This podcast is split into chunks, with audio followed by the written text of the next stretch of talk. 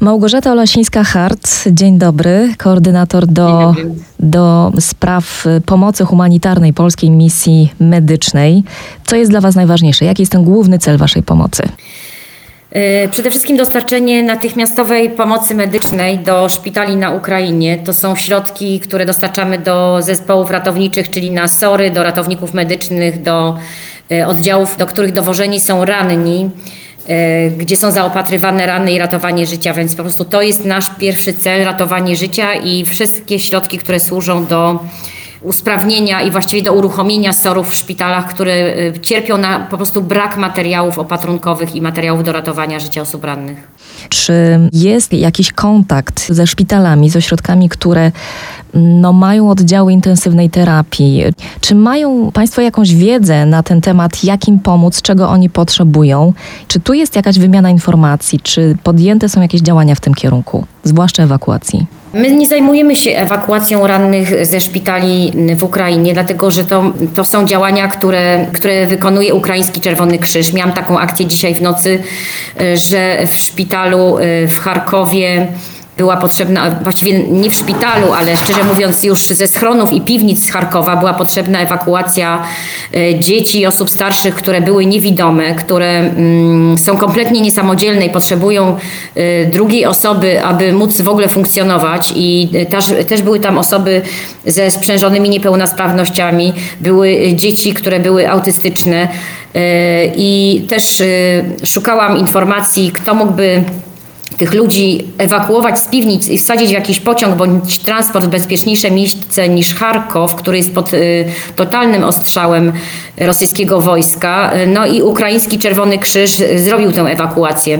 No, my nie mamy ludzi na miejscu, my nie wysyłamy żadnych ratowników medycznych ani naszego personelu medycznego w teren wojny. Podstawową zasadą udzielania pomocy humanitarnej jest dbałość o bezpieczeństwo pracowników, czyli nie narażamy nikogo na utratę zdrowia lub życia. Y, Będziemy chcieli wejść do Ukrainy, kiedy zostanie podpisany mm, rozejm, kiedy ustaną działania wojenne, ale w tej chwili są ręce do pracy na Ukrainie, są, jest personel medyczny, tam nie brakuje jakby y, osób, które mają doświadczenie i wykształcenie medyczne, aby pomagać ludziom. Tam po prostu brakuje materiałów y, medycznych i leków, ponieważ hurtownie na Ukrainie, apteki po prostu mają stany zerowe. Jakie działania już zostały uruchomione przez Polską Misję Medyczną i jakie są na dzisiaj najpilniejsze potrzeby, te i finansowe, i te materialne? Możemy również porozmawiać o tym, czy potrzebne są ręce do pracy. Mówię o, o personelu medycznym. My oczywiście przede wszystkim zbieramy środki finansowe na prowadzenie e, nieustannych zakupów środków opatrunkowych, środków ratujących życie na sory na Ukrainie, więc prosimy bardzo o wpłaty na nasze konto. E, Natychmiast je uruchamiamy. Wciąż e, jesteśmy w kontakcie z hurtowniami farmaceutycznymi i hurtowniami medycznymi w Polsce, żeby te materiały kupować na bieżąco. Chcemy wysłać w tej chwili pierwszy duży transport do Kijowa.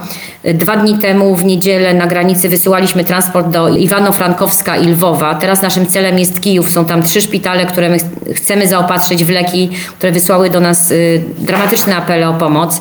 W tym jest szpital y, neonatologiczny z noworodkami.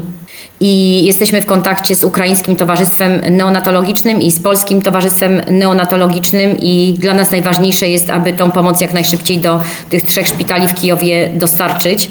Jeżeli tylko w hurtowniach nie zabraknie materiałów, które chcemy kupić, no to mam nadzieję, że w piątek ten transport powinien y, z Polski wyjechać.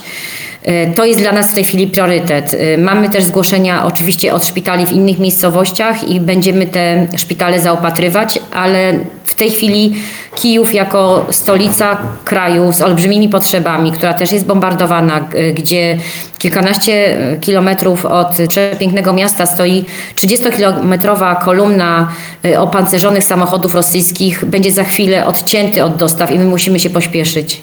Jak wygląda ta praca na samej granicy? To znaczy, y, jaką my mamy pewność jako ofiarodawcy też, że te transporty docierają, że dotrą? To znaczy, jak formalnie to jest zorganizowane? Mamy współpracę w ramach umowy partnerskiej bezpłatnej z bardzo dużą firmą logistyczną, która ma swoje oddziały i ciężarówki na terenie y, Ukrainy. Y, ale też ma całe know-how i kontakty szybkie, tak aby te transporty przez granicę na Ukrainę przejechały, więc właściwie cała logistyka jest, y, jest y, dla nas perfekcyjnie osiągalna. Po prostu my pakujemy ciężarówki w Polsce i one rozwożą materiały medyczne po Ukrainie. Nie, my się nie zajmujemy już załatwianiem papierów dla Straży Granicznej, Policji, cła. Y, Jest to dla nas niesamowite ułatwienie, że my po prostu możemy całe nasze cargo wpakować y, na te ciężarówki. Właściwie tylko dowieźć do magazynu, one zostaną zapakowane przez pracowników tej firmy i one wyjadą tam, gdzie jest ich y, przeznaczenie.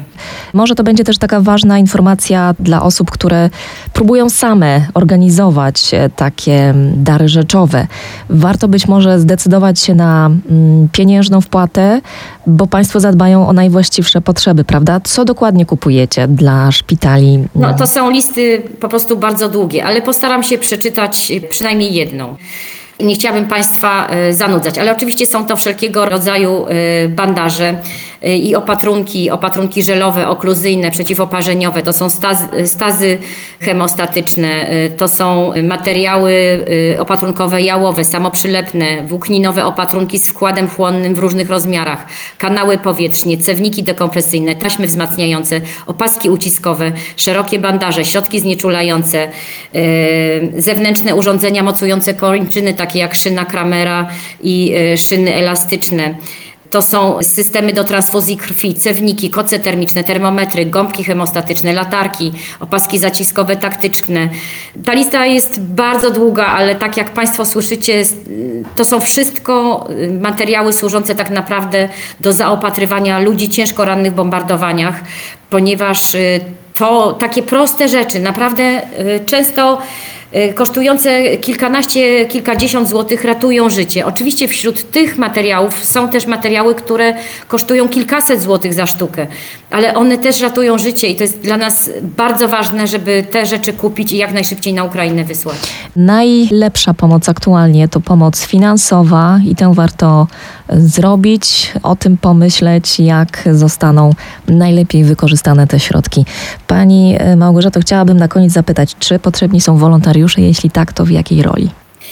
Tak, my potrzebujemy, y, potrzebujemy wolontariuszy, ale nie potrzebujemy takich rąk do pracy, na przykład przy sortowaniu jakichś darów, ponieważ my nie prowadzimy żadnej zbiórki darów rzeczowych w ogóle. My po prostu y, gromadzimy informacje i tak naprawdę w tej chwili potrzebujemy wolontariuszy, którzy, mm, którzy mówią po ukraińsku i po angielsku lub polsku, wszystko nam jedno, ale dla nas ważny jest język ukraiński, którzy potrafią pracować w arkuszach Excela i którzy mają jakieś doświadczenie w pracy z jakąś organizacją. I takich ludzi poszukujemy w tej chwili przede wszystkim naprawdę y, znających język ukraiński potrafiących zgromadzić gromadzić dane.